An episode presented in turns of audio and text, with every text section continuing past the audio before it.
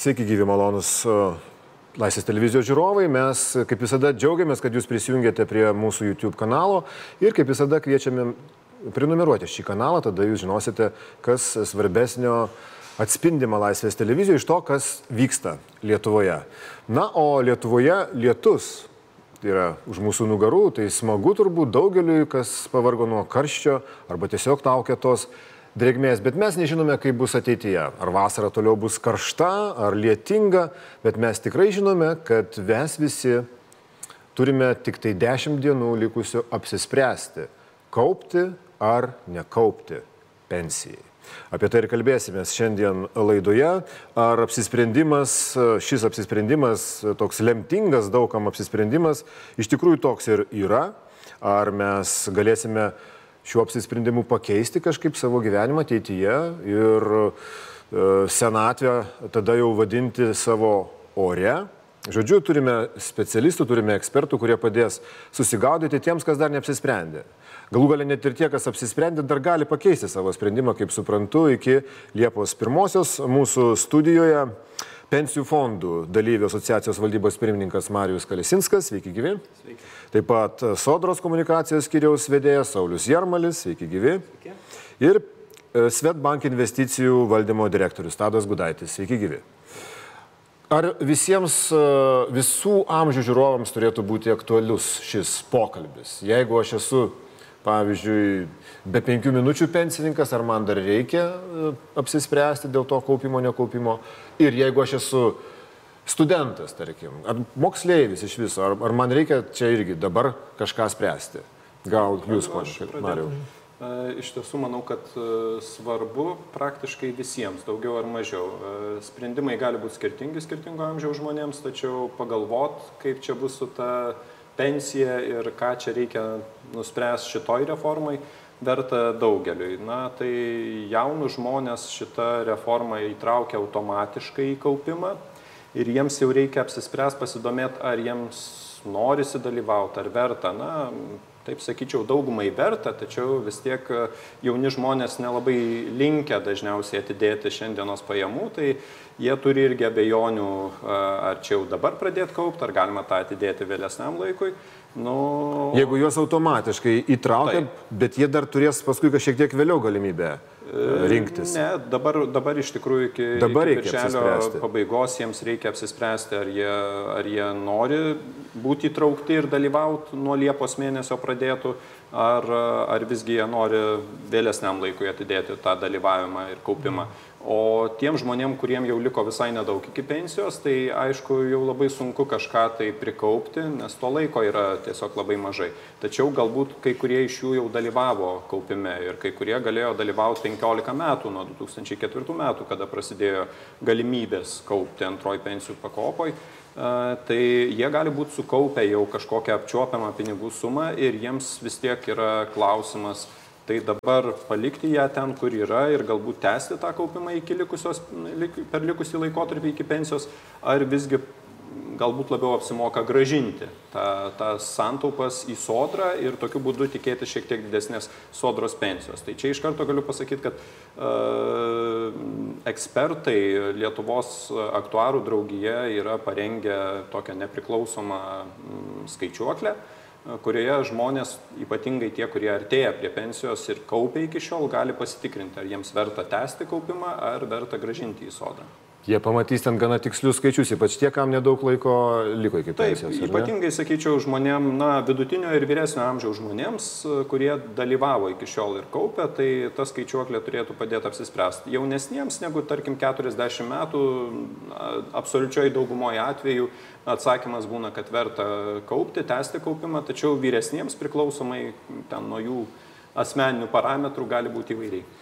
E, Sauliau, o kaip sakykit, iš tikrųjų studentai dabar, jie irgi turi, liko tai savaitė apsisprendimui, kuris galbūt lemiamas? Na, tas sprendimas lemiamas iš esmės yra e, viena vertus dirbantiems žmonėms, nes į, į kaupimą automatiškai yra traukiami tie žmonės, kurie e, šių metų sausio pirmą dieną Lietuvoje turėjo darbą na, dirbantieji, apdraustieji, kaip mes juos vadiname, tai jie gali, tarkime, priimti sprendimą per pusę metų, tai iki Liepos pirmos nedalyvauti kaupime, na tai nereiškia, kad jie niekada daugiau negalės pradėti kaupti. Kaupti pradėti jie galės bet kada, ir, bet tikslas yra toks, kuo anksčiau žmogus pradės kaupti, tuo tikimybė, kad jisai daugiau sukaups, nes daugiau metų mokės įmokas. Kitas svarbus galbūt dalykas, jeigu žmogus šiemet yra studentas, na, galbūt šiemet jisai baigė studijas ir šiemet įsidarbins, E, tai vėlgi, galbūt jis kitų metų sausio antrą dieną jau bus dirbantysis ir mes tuos naujus žmonės, jaunus žmonės, naujus darbo rinkos dalyvius į pensijų kaupimą įtrauksime kasmet ir tie nauji rinkos dalyviai visuomet turės pusės metų laikotarpį priimti sprendimą ar priimti tą pasiūlymą dalyvauti kaupime ar ne. E, jeigu jie priims neigiamą pasiūlymą, vis dėlto jiems liks galimybė bet kada ateiti pradėti dalyvauti kaupime. Žodžiu, jeigu dar nedirbat, nebijokit, turėsite apsisprendimui laiko tada, kai pradėsite Taip. dirbti. Dabar noriu iš principo paklausti apie tą skirtumą, galimą skirtumą, apie tą pažadą, kad jeigu kaupsis, gali uh, savo orę senatvę užtikrinti. Na, Lietuvoje pensininkų regis apie trečdalis yra skurstančių. Mes girdime Europos komisijos uh, tokį įvertinimą, uh, Tikėtina, kad pensijų naudos rodiklis išreikštas kaip vidutinės pensijos ir vidutinio darbo užmokesčio santykis stabiliai mažės, nors jis jau dabar yra vienas mažiausių Europos Sąjungoje. Taigi, ar tikrai gali, e, galiu aš kažkaip iš esmės pakeisti tą savo ateitį tolimesnėje ar artimesnėje e, perspektyvoje, kada man jau ta pensija ateis, kaupdamas? Pone Tadai. Tai aš manau, kad Ir pati reformos esmė, kuomet jinai buvo priimta, tai buvo praeitų metų vidurys. Tai galbūt mes pirmą kartą išgirdom, kuomet ir, ir valdžios institucijos, ir politikai šitą reformą, kaip ir, sakyčiau, visuotinai įvardijo tas mūsų problemas, tuos mūsų iššūkius, kuriuos mes turime savo demografinėje situacijoje, tai yra mūsų gyventojų sudėtyje, kiek yra jų jaunų, kiek yra jų senų ir kaip tas keisis žiūrint į ateitį. Tai iš tikrųjų yra pastebimos dvi tendencijos ir, ir jos kaip yra tam tikras užprogramuoti dalykai, tai aš vieną vadinu, kad yra nelabai geras dalykas ir vienas yra geras dalykas. Jeigu pradedant nuo to nelabai gero dalyko, tai yra tai, kad, nu, kaip bebūtų, mūsų dirbančiųjų skaičius mažėja ir ateitėjas turėtų mažėti. Ir tą lemia dvi priežastys. Tai pirma, kad mes, kaip bebūtų gaila, pas mus per mažai gimsta naujų piliečių, per mažai gimsta vaikų ir tai yra blogai. Jeigu mes paklausomėm, pažiūrėtumėm jauni žmonės, jie visi sako, nu aš ne, negalvau, negalvoju apie tris vaikus ir daugiau, aš galbūt vieną, gal visai neturėsiu. Ką tai reiškia? Tai va tokiai kartai, kurie mes čia sėdintys, kuomet mes būsim pensininkai, tikėtina, kad bus mažiau tų, kurie bus už mūsų nugarų, kuriuo, kurie tuo metu dirbs ir, ir tiesiog mokės mokesčius tam, kad mes gautumėm pensiją iš, iš pirmosios pakopos arba šiuo atveju iš sodros. Antra ta ten, tendencija yra gera, mums ir, ir ateitiems kartoms, kad nu, mes visi vis gyvenam ilgiau, vidutiniškai ir ilgiau. Tai yra mūsų gyvenimo trukmė ilgėja. Dėl medicinės pažangos, dėl, dėl to, kad šiek tiek mūsų bendrai ekonomika auga ir mūsų tas gyvenimo lygis kyla, to pasiekoje mes biški labiau rūpinamės savim, daugiau skiriam tam lėšų. Tai kiekvienas iš mūsų ir žiūrint į priekį gyvensim ilgiau. Gal mes ir dirbsim daug ilgiau. Tikėtina, gal ir dirbsim ilgiau. Ir kas tada gaunasi? Tada gaunasi, kad va, tokių kaip mūsų žmonių padaugės, tai jeigu aš tokį rodiklį mėgstu paprastą žiūrėti, kad jeigu dabar mes va tie dirbantys, 10 dirbančiųjų išlaikome 3 pensininkus arba mūsų sumokėti mokesčiai į sodros biudžetą, šituo atveju ir dabar ir į valstybės biudžetą yra mokamos pensijos 3. Ne, tai tie žmonės, jeigu jie sako, kad jos yra mažos, tai ne dėl to, kad jie per mažai mokesčių savo laiku sumokėjo ar per mažai dirbo, bet yra problema, kad mes dešimt nelabai gebam tiem trim sumokėti pakankamai mokesčių, kad jiem galėtų išmokėti pensijas. Tuomet, kaip mes pasižiūrim apie tos 40-50 metus ir tą rodiklį, ką jūs minėjot, tai tie patys 10 tuo metu išlaikys mus šešis. Tai tas mūsų senėjimas, mes šeši būsim toj kompanijoje sėdėsim, ne, nu, gal turėsim su kažkaškim šachmatais pažaisti, taurė vyno nealkoholinio išgerdė. Ne, o gal mes dirbsim bet, ar, iki pat gal, pabaigos. Bet tie dešimt, ar tie dešimt mums sugebės sumokėti dar daugiau mokesčių ir, ir sukurti tos gerovės, kad mes tie šešie galėtumėm pasidalinti, nu, manau, iššūkis yra. Ir, ir mano būtų atsakymas, ką rodo sritis, kad bus, bus sunku. Ką rodo apsisprendimai žmonių per šiuos jau 5,5 mėnesių, ar ne?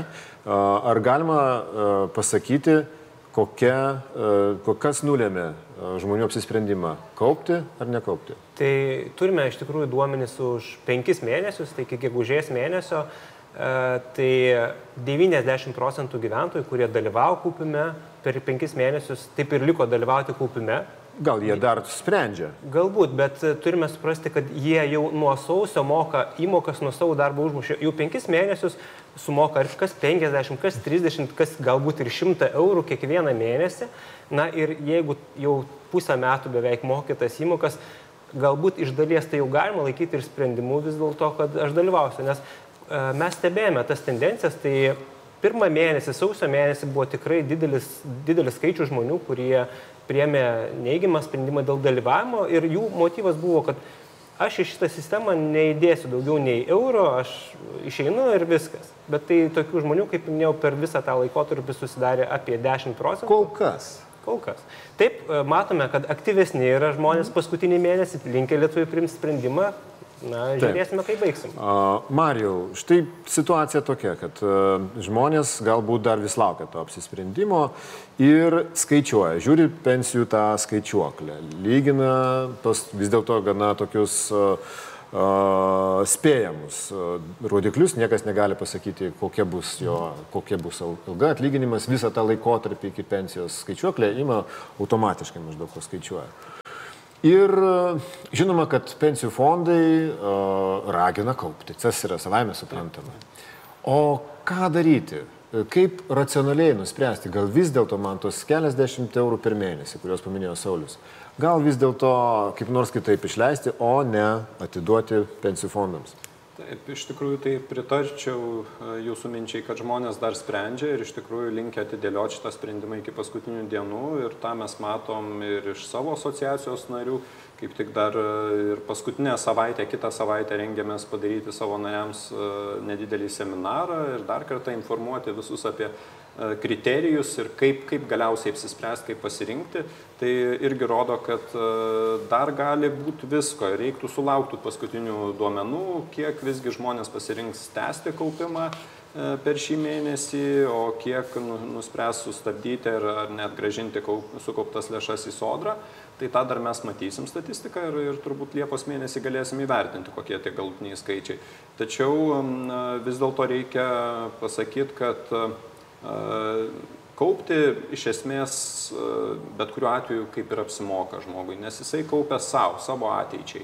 Bet jis tai, gali savaip kaip nors kaupti. Taip, iš tikrųjų tai tas, tas yra svarbiausia, kad žmogus įsivertintų, kokios yra galimybės, kokios yra alternatyvos, nes uh, Kaip minėjo kolega Tadas, čia iš tiesų, jeigu kliautis vien tik tai sodros pensija, tai dėl tų demografinių tendencijų, dėl visuomenės senėjimo, dėl emigracijos didelės jau buvusios, mes galim tikėtis, na, santykinai mažokų tų pensijų iš sodros. Skurdo iš lygis. Na, taip, panašiai. Sakykime, jeigu dabar pensininkai neklesti gaudami tas pensijas, kokias gauna, tai santykinai jos gali būti net dar šiek tiek mažesnės. Ne, nebent pavyks kažkaip tai apsukti ar tas demografinės tendencijas, ar kažkokius tai kitus valinius sprendimus politikam priimti, skirti ten žymiai daugiau tų pinigų, bet jų reikia tikrai apčiopimai daug ir jų nėra taip lengvai paimti iš kur. Tai vienintelis būdas, kaip tam pasiruošti tokiam galimam pensijų santykiniam mažėjimui, tai yra pasirūpinti šiek tiek ir pačiam. Na ir atsidėti nuo šiandienos pajamų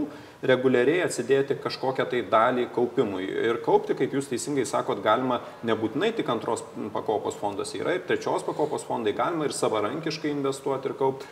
O priklauso, kas, kas yra palankiau kiekvienam žmogui nuo skirtingų faktorių. Tai ir atlyginimo lygis, ir noras turėti laisvės daugiau ar mažiau, sakykime, kiek aš noriu būti įrėmintas tų taisyklių, kurias nustato valstybė, ar aš noriu viską maksimaliai laisvai reguliuotis, būti mhm. nepriklausomu nuo valstybės, bet tuomet atsisakyti visų paskatų, visų naudų, kurias duoda valstybė. Tai, na, tuos kriterijus visus reikia sverti ir tokio vieno atsakymo visiems nėra, kiekvieno atveju jis yra individualus, priklausomai nuo žmogaus situacijos. O štai pasitikėjimas fondais, koks jis? Nes aš pacituosiu dabar, ką aš gavau kaip savo pensijos kaupimo ataskaitą iš vieno fondo, žodžiu, galiu palyginti skaičius. To grafai, kur yra lėšų pokytis per metus, mano gautos įmokos viršyje, uh, viršyje mano tą lėšų pokytį per metus tris kartus.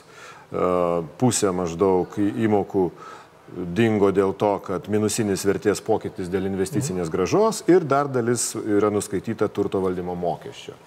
Štai aš matau ataskaitą už 18 metus ir dabar oho, o aš turiu apsispręsti visam likusiam gyvenimui kaip pensijos pasitikėti toliau šito fondo? Tai tikriausiai aš galėčiau ir turėčiau pakomentuoti šitą klausimą, tai iš tikrųjų reiktų žiūrėti ne į tą trumpalaikį vienų metų ar tai pusės metų rezultatą, nes iš tikrųjų sviravimų finansų rinkose yra. Tai jeigu pažiūrėti praeitus metus, taip reikia pripažinti, kad didžiai daliai pensijų fondų jie buvo nesėkmingi dėl to, kad pasaulio rinkose JAV bendrovių akcijos, Europos bendrovių akcijų vertės rinkose smuko.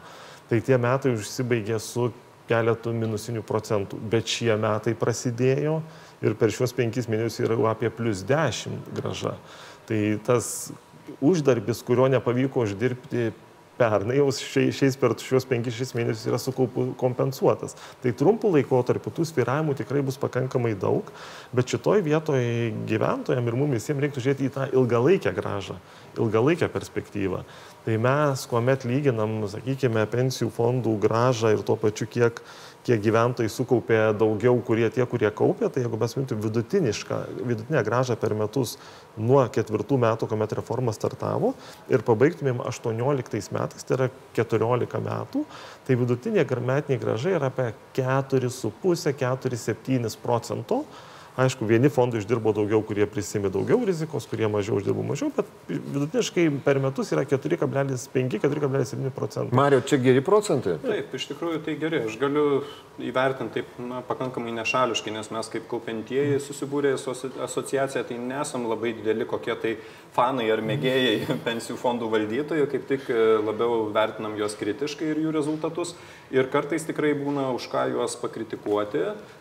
Ne, ne visi fondai vienodai gerai tvarkosi su savo užduotimis, bet jeigu žiūrėt bendrai į visą rinką, visus fondus, tai iš tikrųjų turiu pripažinti, kad per 15 metų istoriją, bet nuo veiklos pradžios, tie fondai pasiekė pakankamai gerą gražą. Tai, ką kolega minėjo, apie 4,5 procento ir čia jau yra atskaičius visus jų įmamus mokesčius.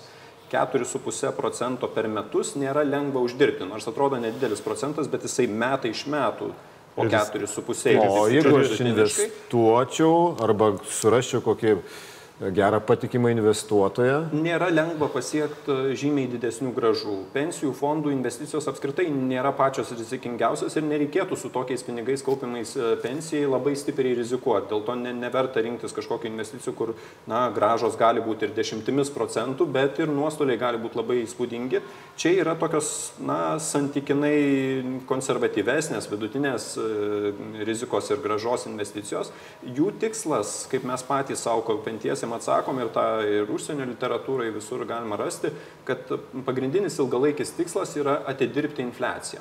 Ir jeigu žiūrėt tuos 15 metų mm. istoriją nuo, nuo 2004 metų, tai iš tiesų fondams pavyko nedidelę persvarą, bet šiek tiek e, uždirbti daugiau negu vidutinė infliacija per tą laikotarpį.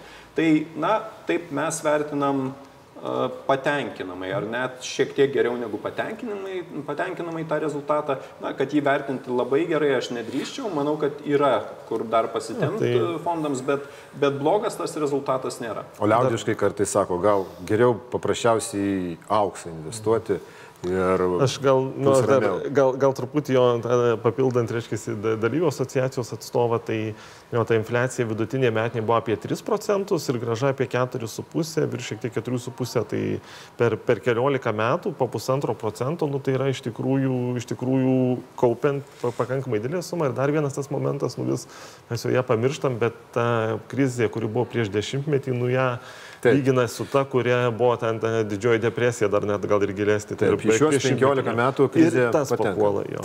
Žydrė Bet, klausia, uh -huh. kokiagi garantija, kad sumokėjusi aš tuos, e, tarkim, 100 eurų per mėnesį ir jie štai, kad ir fondė ten kils tokiu būdu, kuris viršys infliaciją ar ne, ar aš gausiu tuos pinigus sulaukusi pensijos? Kokios yra e, rizikos, kokios galimybės. Ar tikrai aš gausiu tos pinigus sulaukusi pensijos, klausė Žydrė. Tai turbūt atsakymas yra vienareišmiškas. Taip, nebent, nežinau, karas, maras, e, dar kažkas, e, ko nebūtų, na, neliktų Lietuvos, bet jeigu žiūrėtumėm taip labai techniškai, tai pirmiausia, tai gyventojų turtas ir kaupimas jų asmeninėse sąskaitose pensijų kaupimo fonde, ar ne, tai tas pats, kaip turėti sąskaitą banke ir ten yra žmogaus pinigai, jeigu žmogus tiki, kad jis pinigų turės sąskaitoje banke po 20-30 metų, tai jisai turės ir kaupimo fonde, tai yra vienas dalykas. Antras dalykas, tie pinigai yra jo nusavybė ir kai jisai sulauks senatis pensijos amžiaus, jam jie bus išmokėti visi, tik tai principas tas, kad tie pinigai bus išmokami pensijos principų. Na ir jeigu aš jūsų ir tai paklausiau, kokios pensijos norėtumėte? Ką reiškia išmokėti visi? Jeigu aš e, gyvensiu pensijoje 10 metų, man bus išmokėta viena suma. Jeigu 50 metų, visai kita suma. Taip, bet jūs, mes suteikėme garantiją ir tuo būdu yra suteikiama jums garantija, kad jūs kiek be gyventumėte, vis tiek gausite išmokas iki gyvos galvos, e, ne, nepriklausomai nuo to, ar jūsų suma jau baigėsi ar ne, nes tokia pati yra senatvės pensijos principas.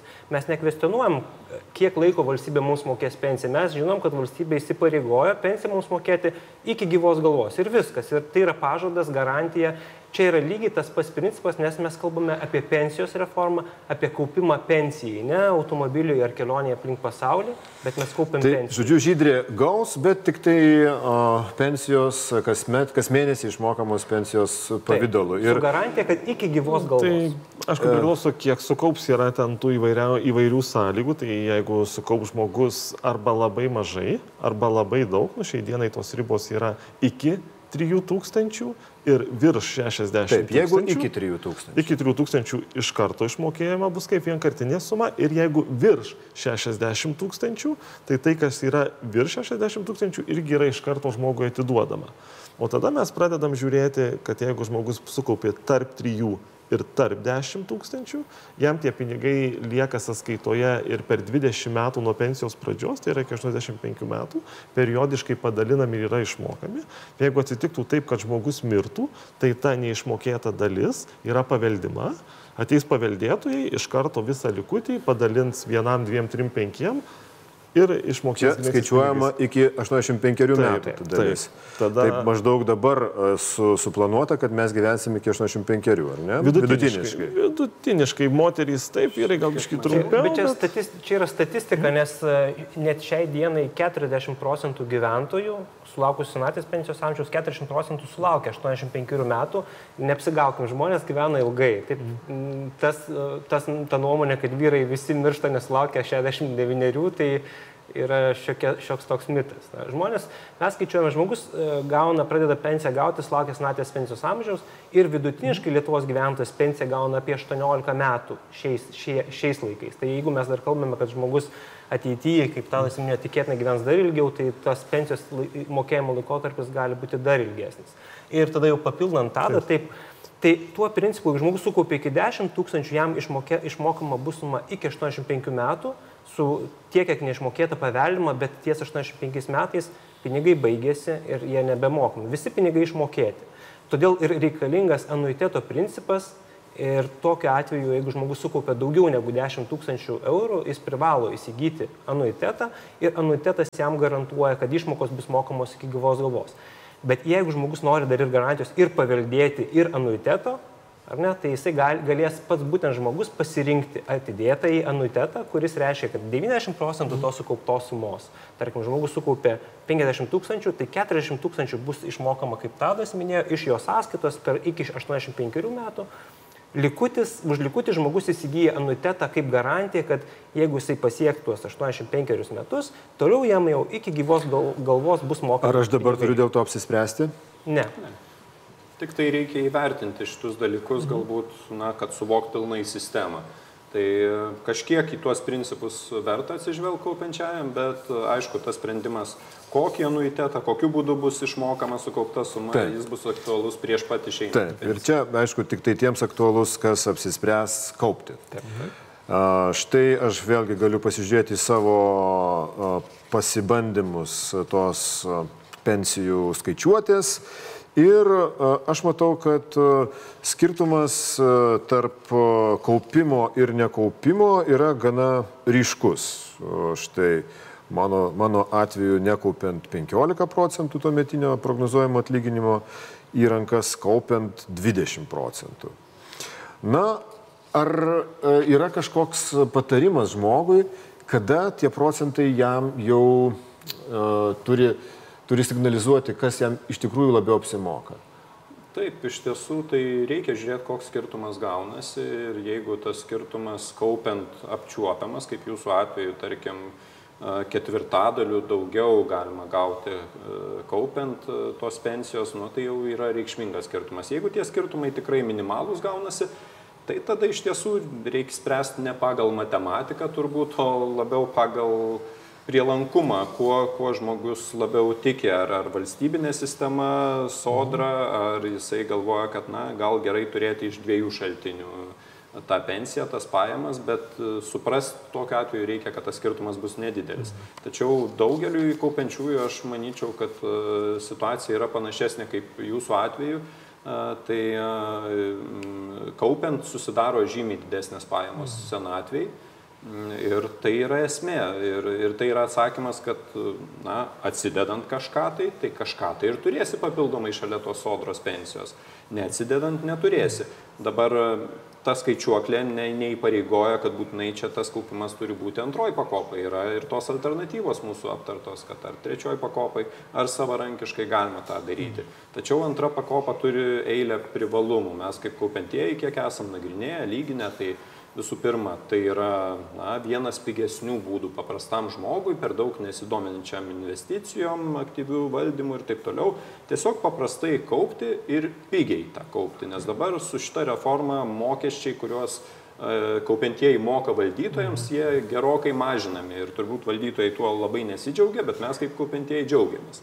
Ir, ir tai yra iš tikrųjų gerai ir tie mokesčiai atrodo, kad ir nedidelė procento dalis, bet ji per ilgą laiką reikšmingai. padaro reikšmingą. Pone Tadai, iš tikrųjų reikšmingai sumažėjo jūsų, jūsų tie administracinės, nu, administracinės pajamos. Čia žiūrint iš verslo perspektyvos, tai vienas galbūt skausmingiausių dalykų šitoje reformoje yra tai, kad mūsų taikomi mokesčiai, mes sakom vienintelį mokestį, tai yra turto valdymo mokestį.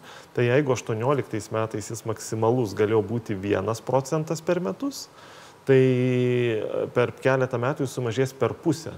Tai yra, jis bus 0,5 procento per metus. Tai yra vienintelis mokestis, kurį mes valdydami lėšas atskaitome iš klientų, kuomet klientas mato savo sąskaitoj bet kurią dieną prisijungęs prie interneto banko sukauptas lėšas, jis jau mato jas po išskaičiuoto mokesčio, tai viskas daleliai skaičiuojamas, tai per pusę sumažėja mokestis nuo 1 iki pusės procento. Žiūrint dar toliau, tai kuomet e, dalyvių turtas vienoje bendrovėje pasieks 2,5 milijono, e, atsiprašau, 2,5 milijardo dydį, tada tas turto mokestis dar sumažės iki 0,4, tai dar dešimtąją dalimi. O kuomet mes šnekam apie tą išmokų fazę, tai tas turto valdymo mokestis jau dabar nustatytas yra 0,2 procento per metus. Tai iš tikrųjų mokesčiai sumažėjo ryškiai ir čia e, belieka pritarti dalyviam, kad iš tikrųjų nu, tai yra vienas iš pigiausių ir efektyviausių būdų taupyti.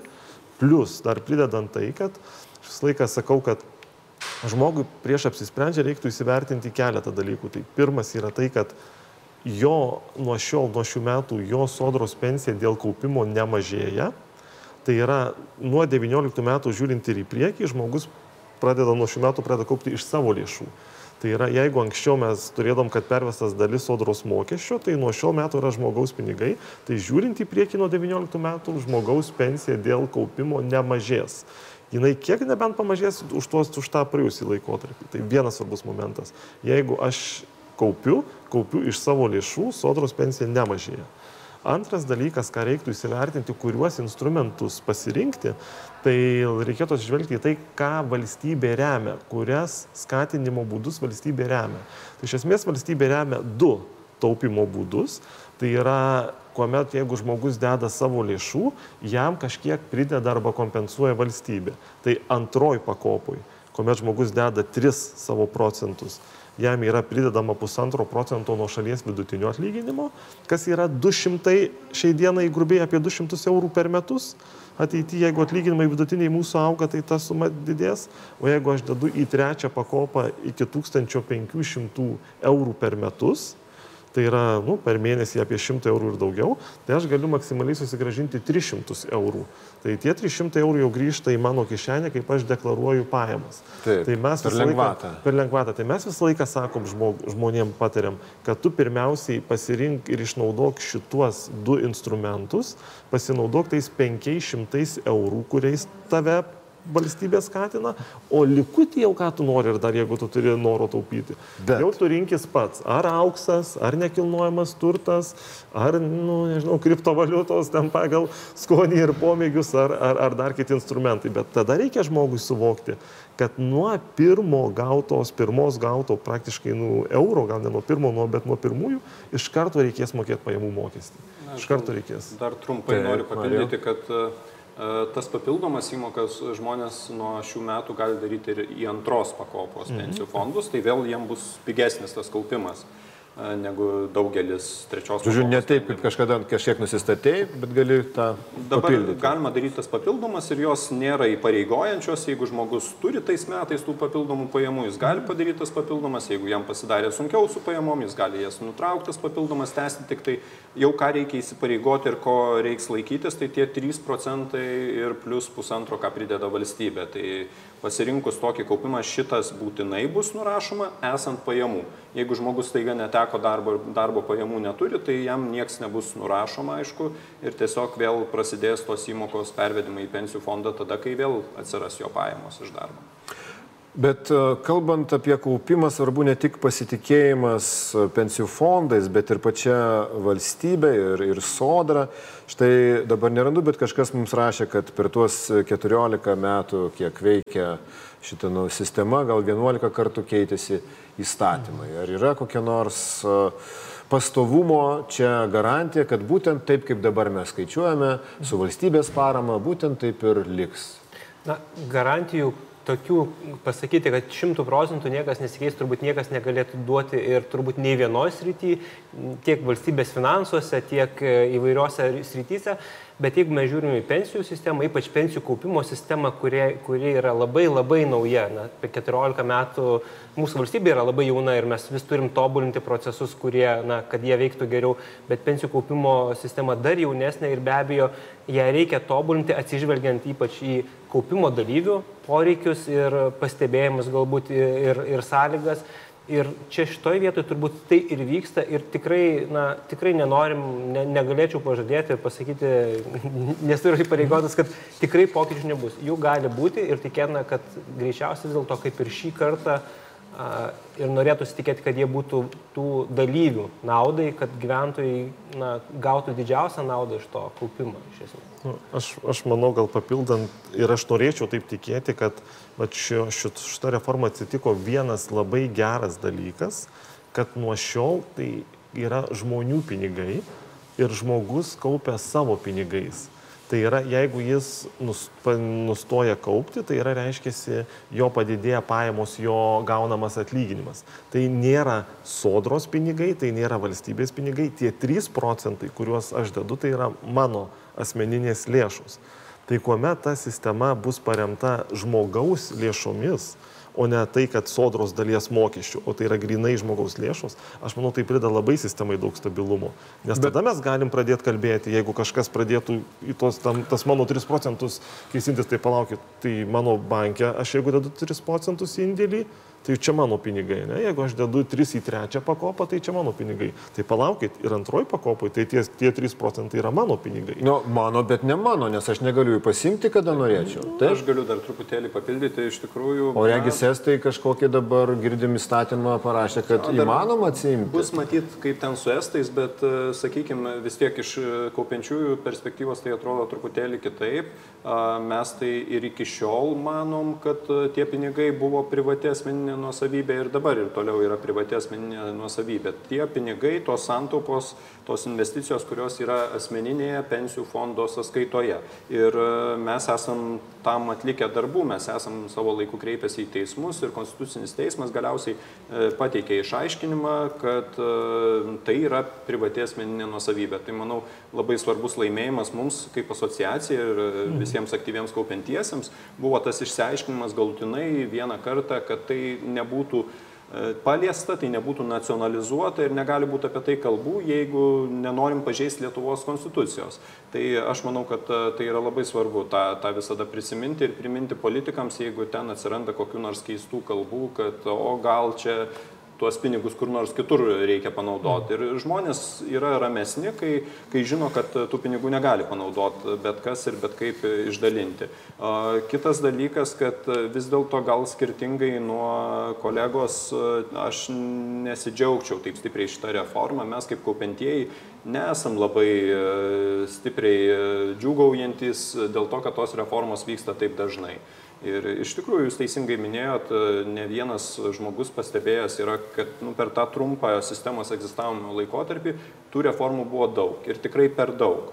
Nu ir gyvenam tiesiog viltimi, kad e, gal po truputį mes įgaunam vis daugiau brandos kaip visuomenė, kaip, kaip politikai ir, ir tų reformų turėtų mažėti ateityje. Iš kitos pusės, mes tikrai kaip aktyvūs kaupiantieji nežadam nurimti ir jeigu tų reformų bus, mes visada gilinsimės, visada kovosim už kaupiančiųjų interesus ir neleisim daryti bet ko tenai. Konstitucinis teismas taip pat neturi leisti, kad būtų pažeista konstitucija. Taip kad e, manau, kad na, mūsų garantijos ateičiai nėra tokios blogos, kaip galima iš pat e, pirmo karto pagalvoti. Ir, ir tiesiog, na, jeigu bus tų reformų, tai vis dėlto manom, kad turės būti užtikrinta teisė ir mes patys dėl to kovosim, kad būtų užtikrinta teisė vėl žmonėms iš naujo įsivertinti. Jeigu jau valstybė bus priversta daryti esminius pakeitimus sistemoje, dar vieną kokią reformą po penkių ar dešimties metų, tai turės būti vėl suteiktos adekvačios sąlygos kaupiantiesiam iš naujo vėl įvertinti sąlygas ir, ir tada pasirinkti, ką daryti toliau. Mm. Tai jeigu jau taip nutiktų, bet aišku, mes tikimės, kad nu, jau dabar pragyvenkim šitą didelę reformą ir gal kurį laiką bus ramu, nes tikrai šitą reformą labai daug ką pakeičia. Na, kai kurie pokyčiai tikrai labai geri kaupiantiesiam, kai kurie gal abejotini, bet laikas parodys, kaip tai pasiteisina, bet na, dabar reikia, kad ta sistema būtų kuo stabilesnė, kuo mažiau keičiama ir tada didės pasitikėjimas ir tarp kaupiančiųjų ir, ir visi supras, kad na, turim normalią, gerą sistemą, kuri gali iš esmės kažką tai keisti žmonių gyvenime. Dar yra klausimų mūsų e, žiūrovų dėl tos sistemos iki galo neaišku, pavyzdžiui, kiek kainuos anuitetas. E, ar dabar jau galim e, sakyti ir sudėlioti visus atsakymus, nors žmonėms galbūt dėl tų anuitetų apsispręsti reikės vėliau, bet dėl kaupimo apsispręsti reikia dabar. Tai susiję apsisprendimai. Ar aišku, kiek kainuos tas anuitetas? Ne, iš tikrųjų reikia pasakyti, kad viena iš turbūt priežasčių, dėl kurių žmonės ir stabdo dalyvavimą kaupime, iki galo dar aiškumo, kiek kainuos anuitetas ar kiek, kokios bus administravimo sąnaudos, dar nėra ir šitie dalykai paaiškės iki šių metų pabaigos, nes sodra anuitetų mokėtojų tampa nuo kitų metų pradžios. Iš tikrųjų, gaila, kad taip yra, na taip nutiko, kartais kai kurie darbai yra labai skubus, bet mes iš tikrųjų dirbame, bendradarbiavame su e, ekonominės plėtros ir bendradarbiavimo organizacija, kurie mus konsultuoja remdamiesi tikrai gerais pavyzdžiais.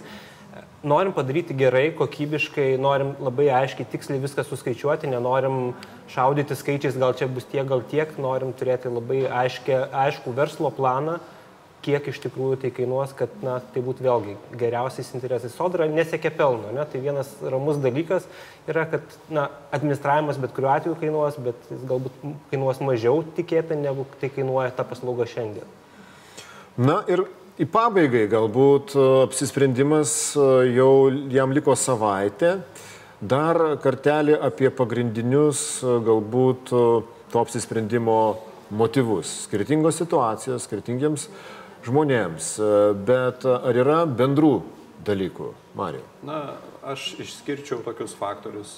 Jeigu žmogus yra jaunas, na, tai sakykime, kitų pačių 35-40 metų, daugeliu atveju jam tikrai verta kaupti, atsidėti kažką tai ateičiai ir jis turi pakankamai laiko, kad tas jo kaupimo rezultatas būtų apčiuopiamas. Bet jis dabar turi apsisnet antroji pakopa ar trečioji? Taip.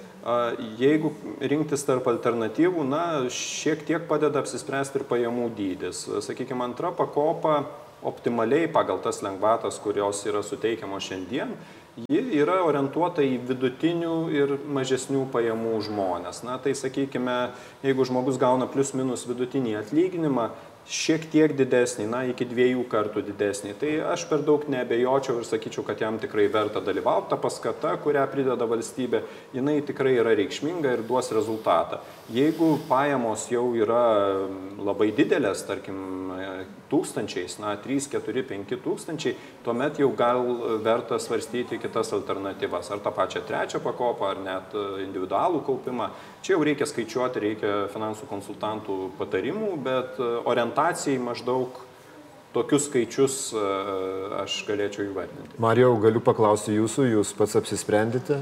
E, taip, aš iš esmės apsisprendęs e, ir e, dar nespėjau paminėti ir kitų keletos faktorių, tai vėlgi ta mano pradžioje minėta laisvė, kiek norisi turėti laisvės dėl savo santaupų. Tai trečioji pakopai, tarkim, yra daugiau laisvės, individualiam kaupime yra daugiausiai laisvės, ten valstybė nieko nereguliuoja, ten žmogus pats kaip nori, taip kaupėsi, kokiu nori dažnumu, kokiu nori apimtimi, bet niekur negauna jokio paskatinimo, jokio priedo iš valstybės. Tai aš renkuosi vis dėlto tokį vidurio kelią, didžiumą santaupų aš e, jau kaupiu, ruošiuosi toliau kaupti antroje pakopoje na, vėlgi įvertindamas ir savo pajamų dydį, ir, ir, ir perspektyvas ateityje. Tačiau dalelę aš kaupiu ir trečios pakopos sprendime. Ir trečia pakopa, tas, ta dalis, kurią aš kaupiu trečioji pakopai, man suteikia šiek tiek daugiau laisvės. Ir tarkim, tai yra santaupos, prie kurių aš turiu laisvesnį prieimą, jeigu man staiga tų pinigų prireiktų net nesulaukus pensijos arba sulaukus pensijos reikėtų, tarkim, dėl sveikatos, dėl kitų kažkokių priežasčių sumą išsiimti vienu kartu. Tai tam tikrą dalį aš noriu turėti tokį kaip pagalbę trečios pakopos sprendime, tačiau visgi įvertindamas pigumą, efektyvumą tos sistemos antrai pakopai, aš savo atveju skiriu prioritetą. Tadai, jūs žinoma irgi na, atstovaujate fondą vieną iš ar ne ir sakote, kad ilgesnėje perspektyvoje tie, tie fondo rezultatai yra visai, visai geri, jais verta pasitikėti, bet dar koks nors jūsų argumentas, kodėl kaupti ir kodėl uh, kaupti taip, o ne kitaip? Mm. Na, aš kiekvienam klausančiam, tai pirmiausiai norėčiau, kad jis užduotų savo klausimą, iš kokių šaltinių ir kokių pajamų aš gyvensiu sulaukęs pensijos, kaip aš jai ruošiuosi ir iš ko aš gyvensiu. Ne? Tai visi tikriausiai tikrai niekur nedingsta mūsų sodra ir jinai gyvuos ir egzistuos ir tai yra bus dalis eis iš tenai pajamų tikėtina, kaip ir šnekėjom, bus pakankamai maža, tai kokius aš kitus veiksmus darau dėl to savo orios, kaip mes sakom, senatvės.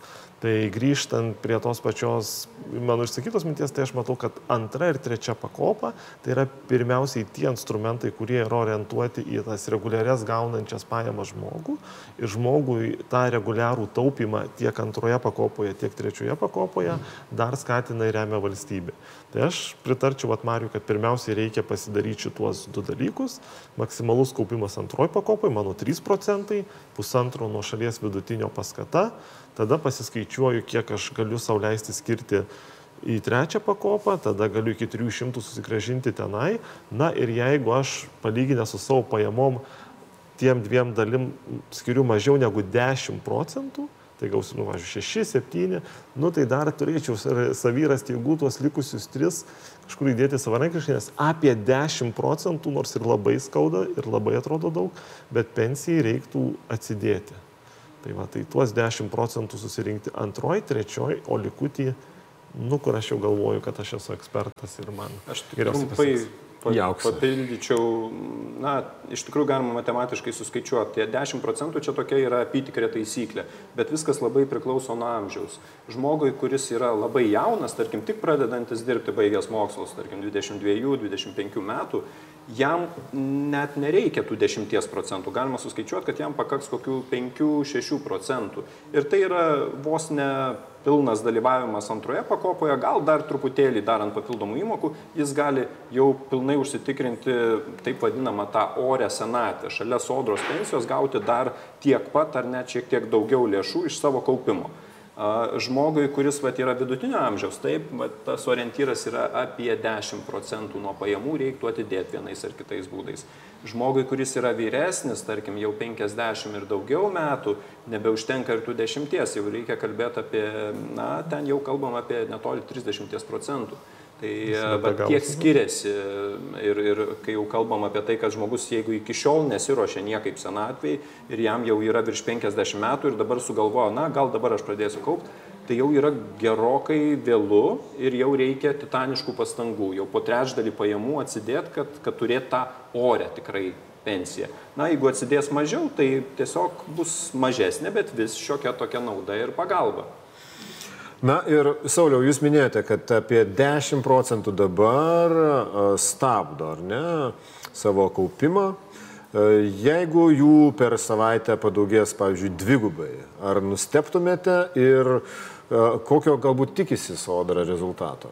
Na, čia rezultato kažkokio tikėtis, na, sunku net ir prognozuoti, nes, na, net nežinočiau, ką pasakyti, kiek mes čia galim tikėtis, ar, bet vis tiek tikėtina, tikrai didelė tikimybė pagal tas tendencijas, kurios yra, kad didžioji, didžioji dauguma gyventojų vis dėlto liks dalyvauti kaupime ir, na, tai yra turbūt gerai. Na, supraskim teisingai, tai, kad gyventojas e, dalyvauja kaupime ir ateityje, kad ir 30, 30, 40, 50 metų bus sukaupęs savo kapitalo, tai nuims ir tam tikrą tikrai didelį spaudimą nuo socialinio draudimo sistemos, nuo tos pačios sodros.